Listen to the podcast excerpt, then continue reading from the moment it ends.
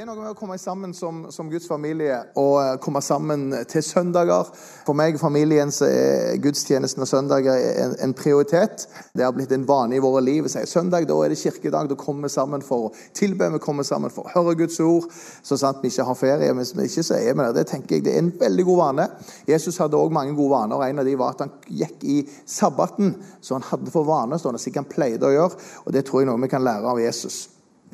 Du, eh, jeg har fått en bestilling om, å dele troen i hverdagen, og det, det skal jeg eh, holde meg til. Men, men, jeg har en litt annen vinkling på, på det temaet, og, som jeg tror er veldig bra for oss. Jeg tror blir til inspirasjon og til utfordring for oss alle. Så Det å dele i troen i hverdagen det tror jeg er enormt viktig for oss. Eh, men det er nesten sånn First thing first. Hva, er, hva, er, hva som kommer, kommer, før det? Og hva er på en måte fruktene av det som jeg har lyst til å dele i dag? Og da tror jeg Fruktene er det at vi får lov å dele troen i hverdagen.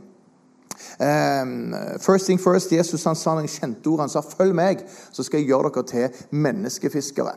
Og Akkurat den frasen der den skal vi se litt på i dag, og vi skal uh, gå litt tilbake i tid. Og, og, og uh, denne enkle tittelen 'Kalt til å følge Jesus', med undertittel 'Å dele troen i hverdagen'.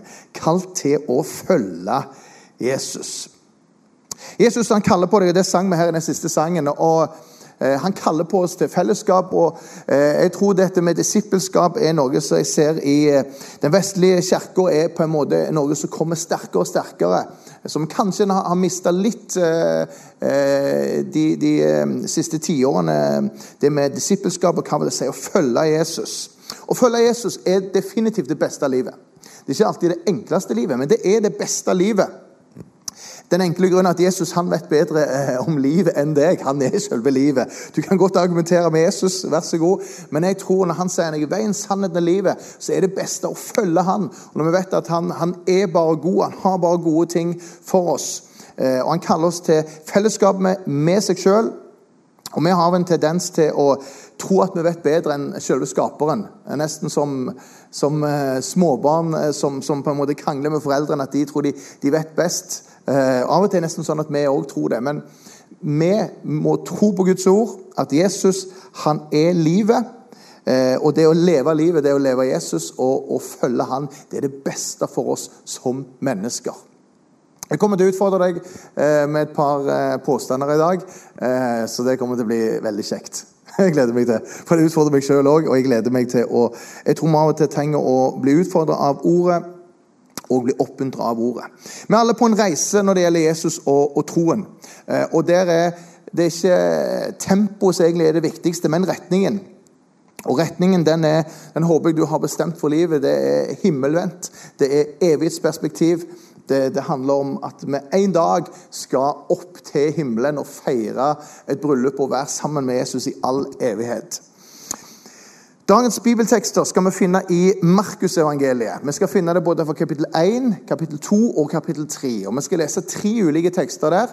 Eh, og Hvis du har Bibelen med deg, så kan du slå opp i Markusevangeliet, for da blir det veldig lett å flippe på mellom de, eh, de tre ulike kapitlene. Vi skal ikke lese hele kapitlene, eh, vi skal lese bare et par vers. De kommer også på skjermen. Jeg får god hjelp på, på skjermen, så du kan også følge med der. Men vi kan begynne å lese i Markus kapittel 1 og vers 16. Der står det sånn En gang han gikk langs Galileasjøen, fikk han se Simon og Andreas, bror til Simon. De holdt på å kaste not i sjøen, for de var fiskere. Jesus sa til dem, 'Kom og følg meg, så vil jeg gjøre dere til menneskefiskere.' Og straks lot de garnet ligge og fulgte ham. I Markus kapittel 2 så leser vi fra vers 13. Igjen gikk Jesus ut langs sjøen. Mye folk kom til ham, han underviste dem.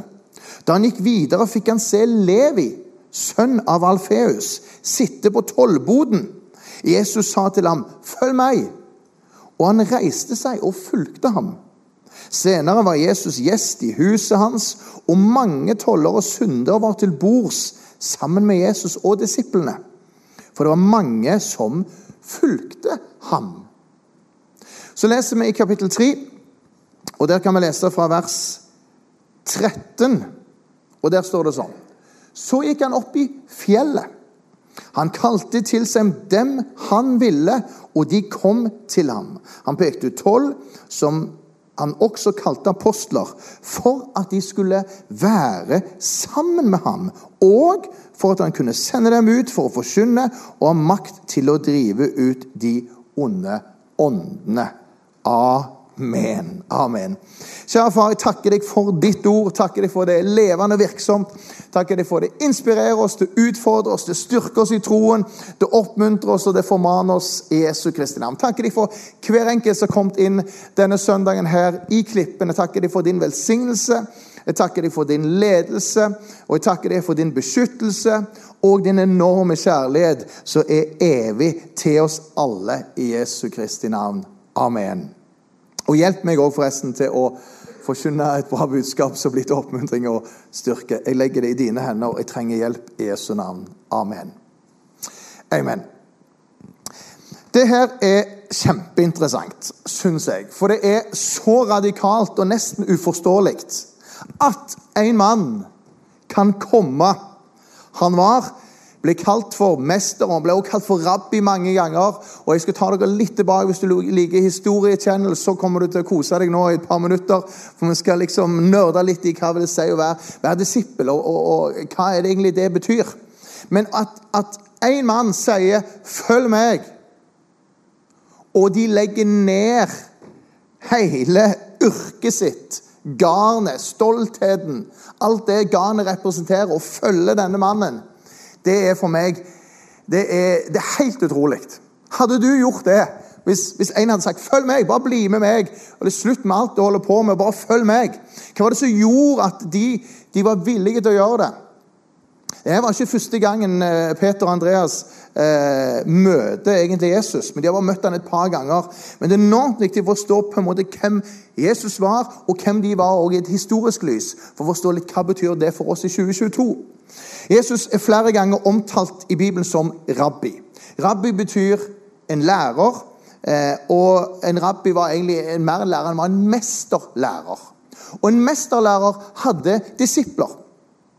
Og Disipler ble kalt for lærlinger som skulle lære det samme. Vi har det samme i dag. Lærling, svenn og mester og fagbrev og, og, og dette her. Det kommer fra det her. Eh, og Det var vanlig å ha disipler i mange hundre år før Jesus hadde det. Og Johannes hadde også disipler, og fariseerne hadde disipler. Det var veldig vanlig. Så la oss bare pakke litt ut, for det her, det her kommer til å få betydning for seinere i talen. I det jødiske utdanningssystemet så var det på en måte tre utdanningsnivåer. Det aller første det ble kalt for eh, Beth Sefer. Det er Egentlig en, en barneskole der du skulle lære å lese, helt riktig, og du skulle lære enkel matematikk, og du skulle lære det som vi kaller i dag de fem mosebøkene. De fem mosebøkene utenat. Utenat memorere første, andre, tredje, fjerde, femte Mosebok. I en alder av opptil tolv år. Gutter og jenter. Det var det første utdanningsnivået. Og folk eh, ja, og Det andre utdanningsnivået det ble kalt for Beth Midrash, eller Lærehuset. Det var en skole som eh, bokstavelig talt eh, lå rett siden av synagogen. Det var bare kun for gutter over tolv år. Eh, jenter av og til på den tiden, fra 13-14 og oppover, gifta seg. Sånn sett er det godt at verden har gått videre. Har jenter på, på 14 år det er altfor tidlig. Eh, men disse unge mennene da, som var tolv år, som hadde kommet inn, det var de beste av de beste. For det var et, det var et mål for, for, for folk i den jødiske kulturen å få lov å bli en disippel å få lov til å følge etter en, en mester. Og Hvis du kom til det andre utdanningsnivået, så var disse unge mennene blitt lært av en fulltidslærer. og Han vil lære det meste, om ikke alt, av det som vi kaller nå Det gamle testamentet. Utenat. I fjor så var det en del av oss i menigheten som brukte ett år på å lese hele Bibelen.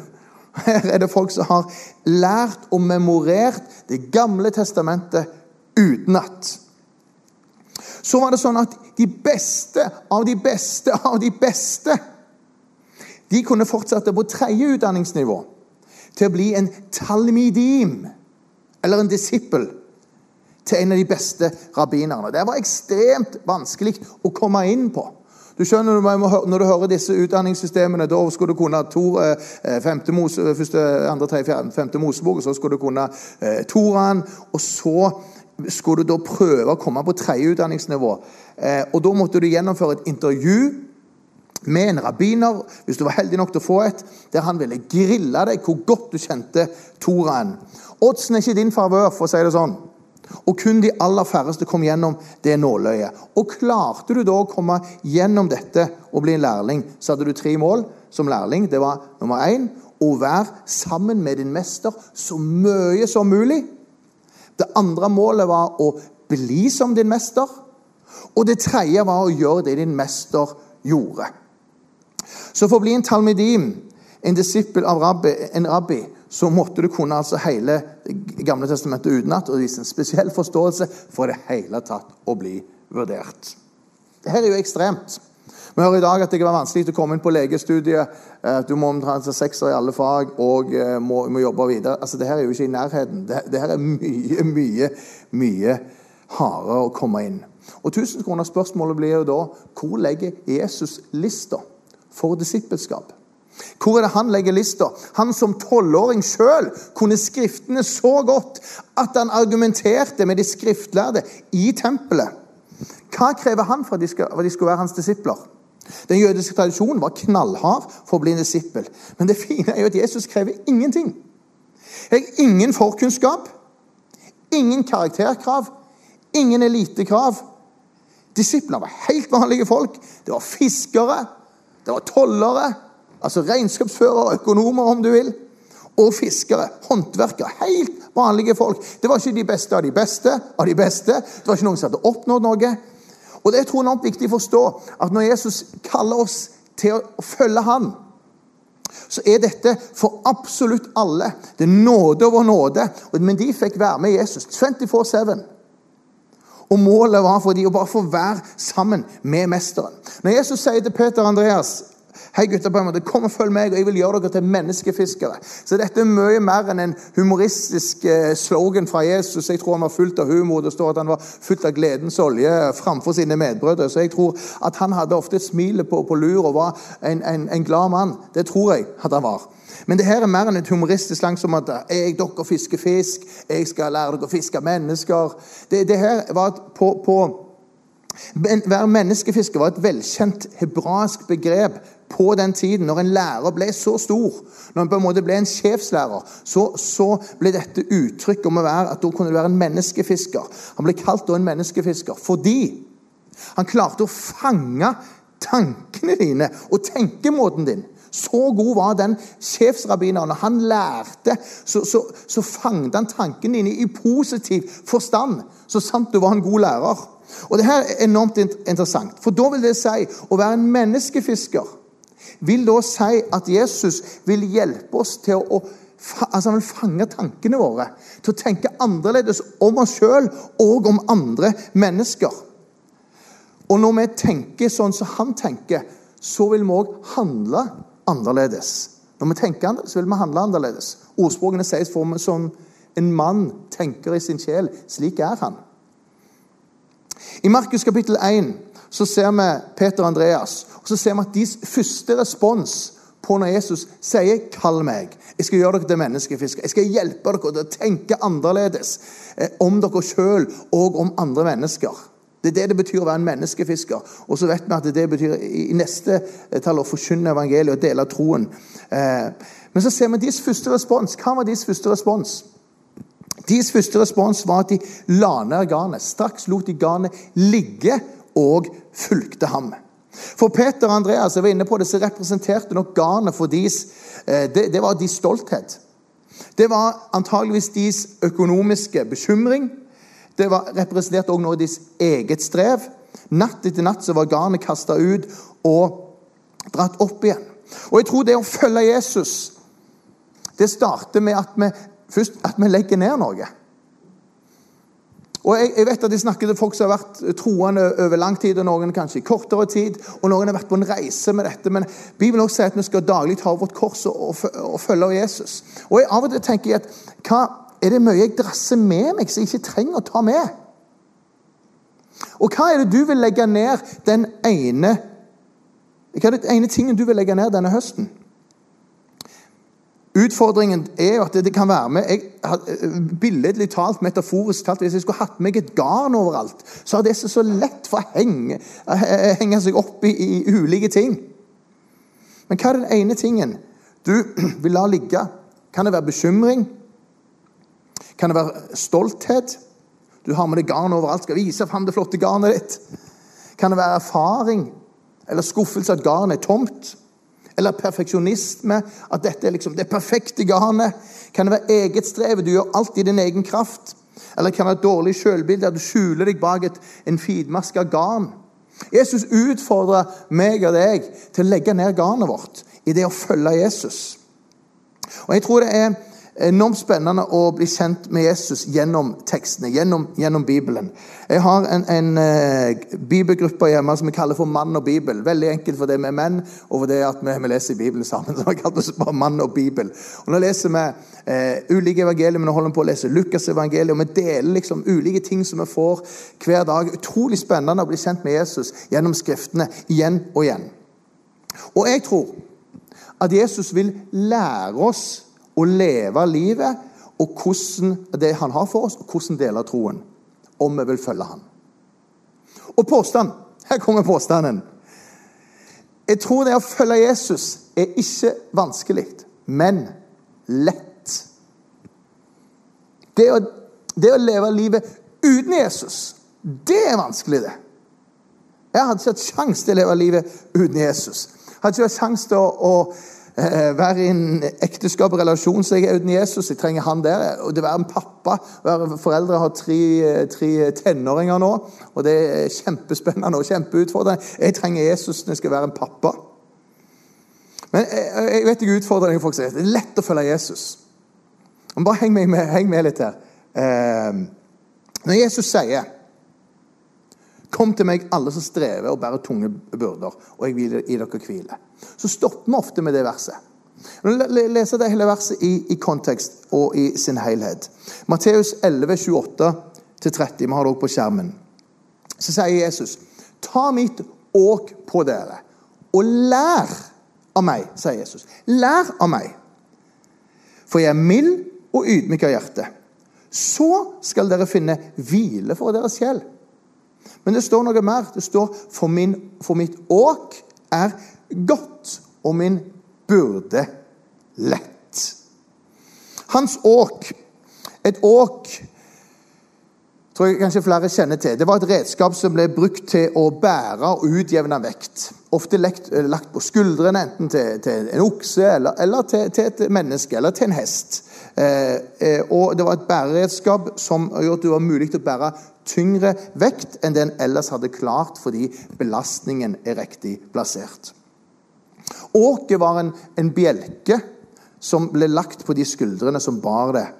Og jeg tror at den bjelken som ble båret opp via Dolorosa, opp til Golgata-høyden, og den som Jesus ble spikra til, det er hans åk. Det er korset. Så korset, hans åk, er at han allerede har båret alle våre synder og alle våre nederlag. Det er derfor han sier at 'mitt åk er godt'. For det han har båret for oss, er ikke meint at vi skal bære. Og Her er utfordringen for oss i det å følge Jesus òg. At altfor mange ganger så tar vi et åk med oss ikke vi skal bære, eller et fiskegarn, om du vil, så hekter seg opp i all slags mulige ting. Men fiskegarnet skal vi få lov å legge, og åket skal vi få lov til å la oss si at hans åk er godt, og han har båret det for oss. En som heter Dietrich Bonhoeffer, en tysk luthersk teolog. Han var prest og aktiv i den tyske motstandskampen mot nazistene. Han døde faktisk den 9. april eh, 1944. Han har vært fire år i, i fangenskap. I, eh, selv om han var tysk, så var han en av de som kjempet mot, mot nazismen i, eh, i Tyskland. Og Han bevarte troen gjennom konsentrasjonsleiren og delte troen der inne. Og Han sa «Christianity without discipleship is like Christianity without Christ». Han sa at kristenhet uten disippelskap er kristenhet uten Jesus? Han setter sammen Jesus og disippelskapet. Det her er interessant, for det handler alltid om Jesus. Og La oss ikke legge lista så vanskelig at det er umulig å følge Jesus. Hvordan er det at Jesus har gjort alt det vanskelige for oss på korset? Han har gjort det. Men det å følge ham skal være så vanskelig at ingen mennesker får det til. Det er totalt ulogisk. Men hvordan kan en følge en som en ikke ser med sine fysiske øyne? For det er at vi lever i 2022. Jeg ser ikke Jesus fysisk. Jeg kan ikke følge han, for jeg ser han ikke. Hvordan kan vi da følge Jesus? Skal bare gjøre deg fire enkle ting, og så skal vi kjøre, kjøre litt videre. Men Fire måter å følge Jesus på og bli mer lik Jesus på. Det å lese om han i Skriftene, det gjør vi nå. Det gjør vi i ulike bibelgrupper, det gjør du kanskje i ditt hverdagsliv. Det å etterfølge hans lære, det å tilbe ham, det gjør vi i det kollektive. Vi gjør det individuelle. Derfor er det fantastisk å komme på søndagene. og Da får vi hjelp til å tilbe Gud. Og så er det å tjene andre. Det kan han gjøre gjennom å tjene i menigheten, eller gjennom jobben, eller å tjene andre i familien, i relasjoner. Og det var bare, Jeg satt her litt enkelt, for hvis du leser første bokstav i hver enkelt av disse, så blir det lett. Så blir det lett. Jeg bare provoserer. Jeg vet at det, at det er eh, ikke alltid like lett å følge Jesus. Jeg vet det. Men poenget er jeg vil si at det er ikke Jesus som er problemet. Det er jeg som er problemet. Det er du som er problemet. Det å følge Jesus er lett, men det, men det er utfordringen. Hvorfor er det utfordring? Fordi jeg, jeg, jeg har et, et, kjøtt, for å si det sånn. Jeg, et, et, jeg er ikke fullkommen frelst. Jeg er det fullkommen frelst i min ånd, men jeg har fremdeles en sjel som trenger å fornyes med mitt sinn. Du har det samme, du har utfordringer, du òg. Det er garantert. Så det, det, har vi å på.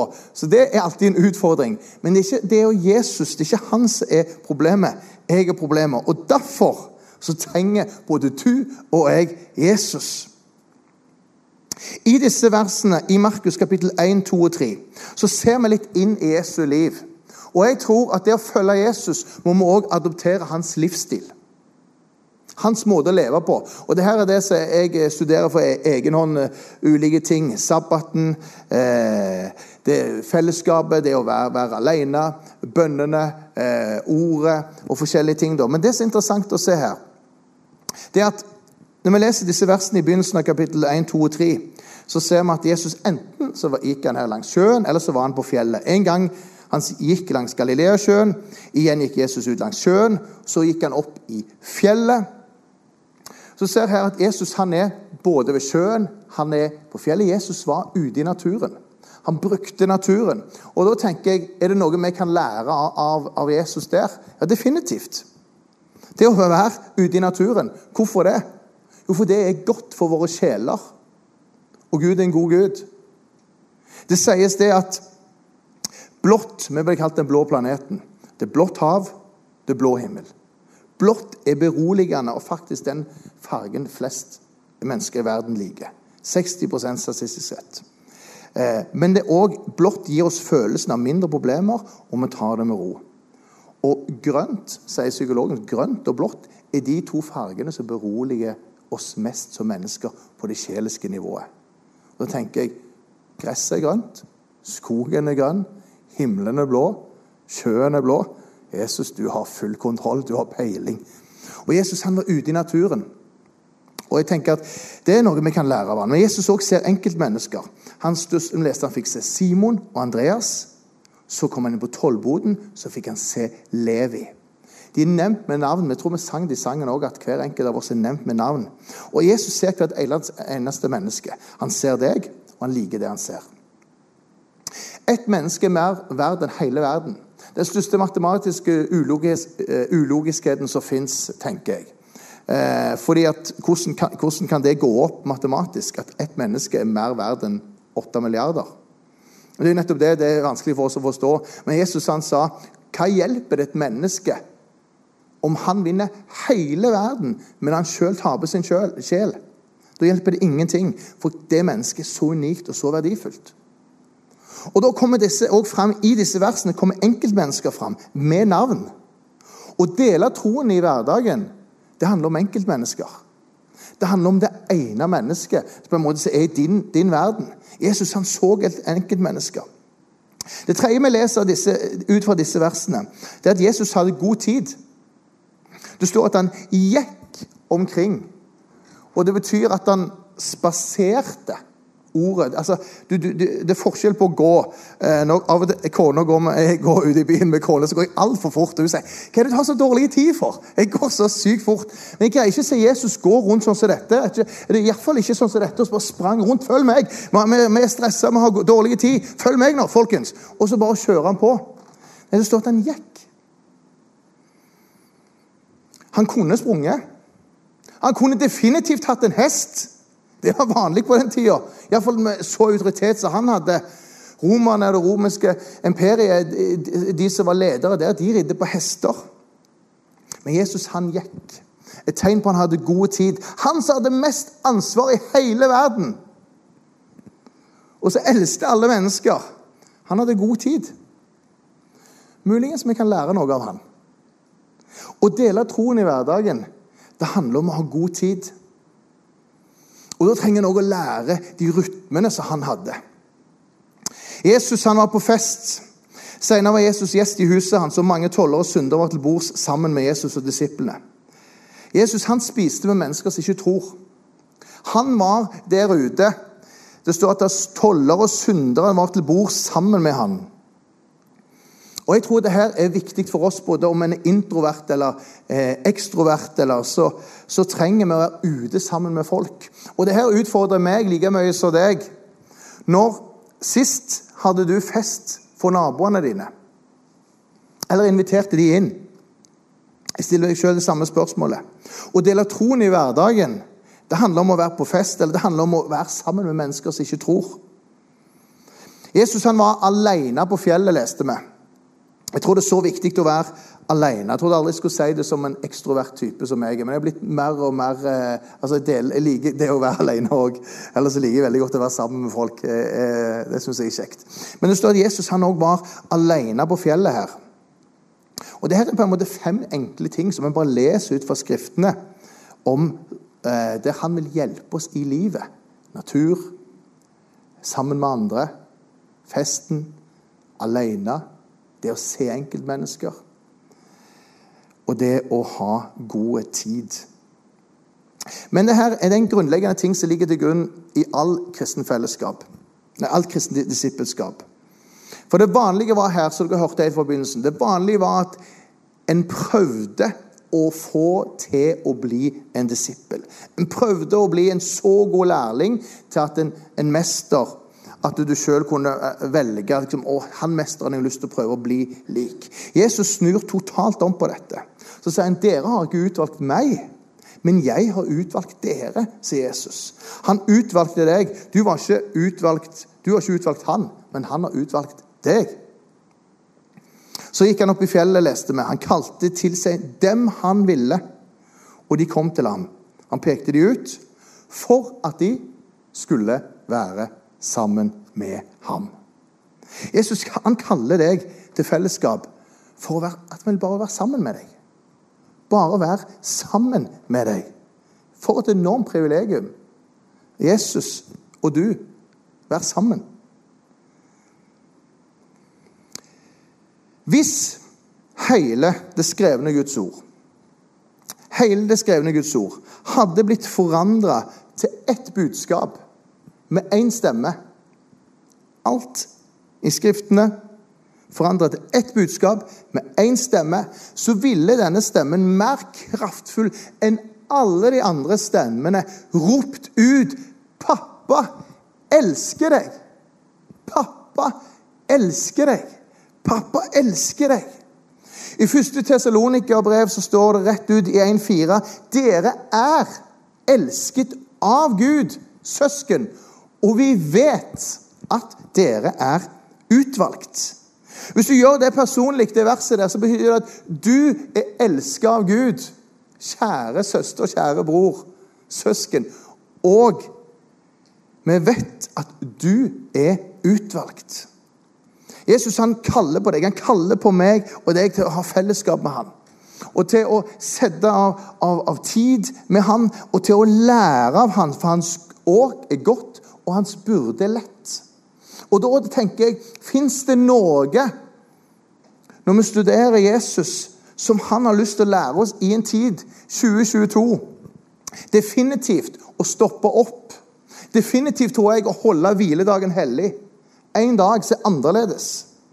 Jeg har praktisert sabbat nå sjøl i, i, eh, to år, to, to og et halvt år og sett hva betydning det har for de andre dagene i livet. En dag der jeg bare stopper opp. Pause. Pause fra liksom eh, alle kommunikasjonsmidler.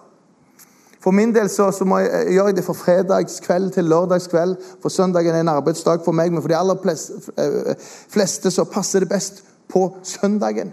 Å ta, ta, den inn og bare stoppe opp og pause. Og grunnen til er det her en bra Vi vet at det står i de ti bud. og tenker ja, men vi er fri fra de ti bud. Ja, men det betyr at det er gode ting for det. Du skal holde hviledagen hellig. Og Jesus han gjorde det. Han, han, det, her, det, er kjempeinteressant. Jeg kunne hatt en e, e, egen preken egentlig bare om hviledagen og, og sabbaten. For jeg tror det er noe virkelig vi trenger i en tid som, som denne her. I forhold til det, det, livet som han har foran oss. Har for oss. Men Jesus han kaller på deg til å være sammen med deg, og han vil lære deg rytmene i livet. Nådens rytmer. Og jeg tror at når vi er sammen med Jesus, så vil han prege oss i våre tanker, i vårt sinn menneskefisker. Fange tankene våre positivt, i den beste positive forstand, så vi tenker rett om oss sjøl. At vi vet vi er elska, vi vet vi er et barn av Gud. Vi vet at det er ingen fordømmelse i Kristus Jesus. Vi vet at han har gode planer for oss. Vi vet at han har framtid og håp for oss. Jeg vet at han elsker meg om jeg har en dårlig dag eller om jeg har en god dag. Jeg vet at hans kjærlighet er unik. Alt dette finner jeg i Bibelen, som gjør at jeg kan gå med verdighet, gå til med frimodighet. Uansett hvordan morgenen var, om jeg har krangla med kona eller whatever, kan jeg komme her og tilbe Gud med frimodighet. Si at Gud, tilgi meg, rens meg. Her står jeg som ditt barn og bare få lov å tilbe deg og ære deg og være sammen med Jesus, sammen med alle de andre hellige. Når vi er sammen med Jesus, så tror jeg at vi kanskje lar være å fortelle om det vi har sett og hørt. Og til deg som tenker at ja, jeg har hørt det litt før, jeg har, eh, har prøvd litt, jeg har ikke helt fått det til. For det første så er det ingen religion, det er en relasjon. Og I en relasjon så handler det ikke om å prestere. En relasjon handler om å være til stede. Om å være. Men til deg så føler òg at du har ah, Jeg er blitt glemt av Gud. Husker han meg? Vet han meg? Kan han mitt navn? Vet han alle hårene vi har på, på, på mitt hode, på ditt hode? Ja, han har en enklere jobb med mitt hode enn med ditt, antageligvis. Eller Rasmus, meg og deg er på samme, kjører samme stil. Eh, men vet han alt om deg? Vet han hvem du er? Akkurat det samme følte Israels menighet, som vi av og til som mennesker kan føle på. Hvor er du, Gud? Du kaller på meg, og du vil jeg skal ha fellesskap. Ja, det var enklere for disiplene. De så deg. Men hva med meg? Og Jeg har lyst til å bare gi et vers, eller et, et tre vers fra Jesaja. Jesaja kapittel 49 der Israel følte på, på noe av det samme. Jesaja 49, 14-17 sier og Da er Sion et uttrykk for Israels menighet. Det er et uttrykk for meg og deg. Og så sier de Sion sier, 'Herren har forlatt meg. Herren har glemt meg.'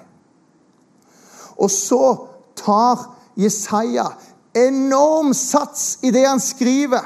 Han bruker på den sterkeste metaforen som fins, Nemlig et, et, et, en mor med et diende barn.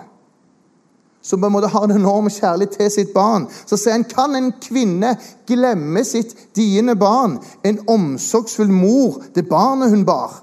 Selv om de skulle glemme. Selv om de skulle glemme, sier han. Skal ikke jeg glemme deg? Se, jeg har tegnet deg i mine hender, og dine murer er alltid foran meg.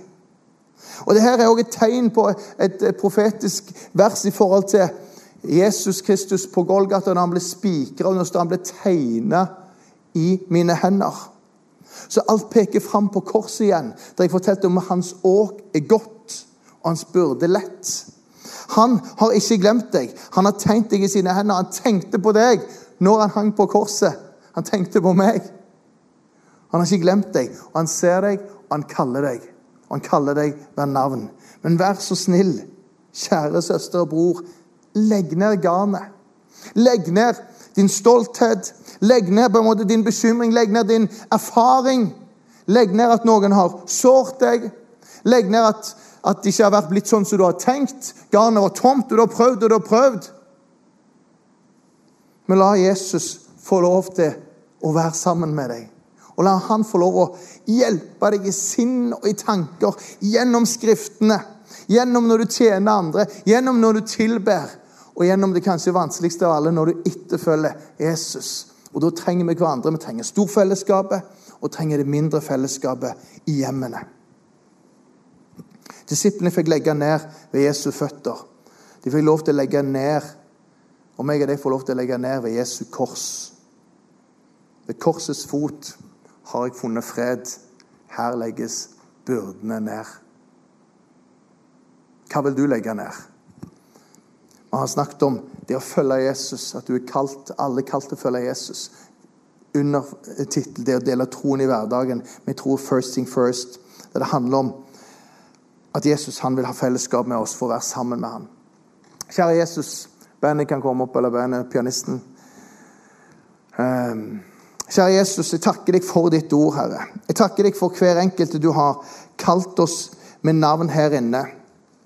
Og jeg takker deg, Herre, at du har gode planer for oss, Herre. Jesus, du vet eh, ting som vi kan ha utfordringer med. Du vet hva, hva garnet representerer for hver enkelt av oss, Herre, så du utfordrer oss til å legge ned. Eh, enten det er økonomiske bekymringer, eller stolthet, eller prestasjon, eller eh, mindreverdighetskompleks, eller erfaring, eller whatever hva det er, Herre. Så har lyst til å legge det ned ved dine føtter og si ja, vi vil følge deg, Jesus. Vi vil ta opp vårt kors og følge deg, Jesus. Jesus, bare takker deg her at du har sagt at ditt åk er godt, og din byrde er lett. Og Jeg takker deg for det, og jeg velsigner hver enkelt i Jesu navn. Amen. Jeg skal synge litt, så blir det også mulighet for, for forbønn i dag. Men jeg har bare lyst til å si én ting til på slutten der. som blir minnet akkurat nå. Det står at dine Det sto 'Dine murer er alltid foran meg'. Tenk på den. Dine murer er alltid foran meg. Se, jeg tegnet deg i mine hender. Det er jo Gud som snakker. Han snakker om dine murer, dine problemer, dine utfordringer. De er alltid foran meg, sier han. Og hvor står du da? Står du foran Jesus, eller står du, står du bak Jesus? Han sier dine murer, dine problemer, dine utfordringer står alltid foran meg. Det vil si at du står der, han står her, og han vil hjelpe deg med dine murer, dine utfordringer. Og jeg vet ikke hva dine murer er. Jeg vet ikke hva dine utfordringer er. Men jeg tror at de, de til og med de vil han hjelpe oss med, enten å fjerne muren eller ta oss over muren. Dine murer er alltid foran meg. Fantastisk vers. Fantastisk oppmuntring. Nå skal vi tilbe Gud sammen.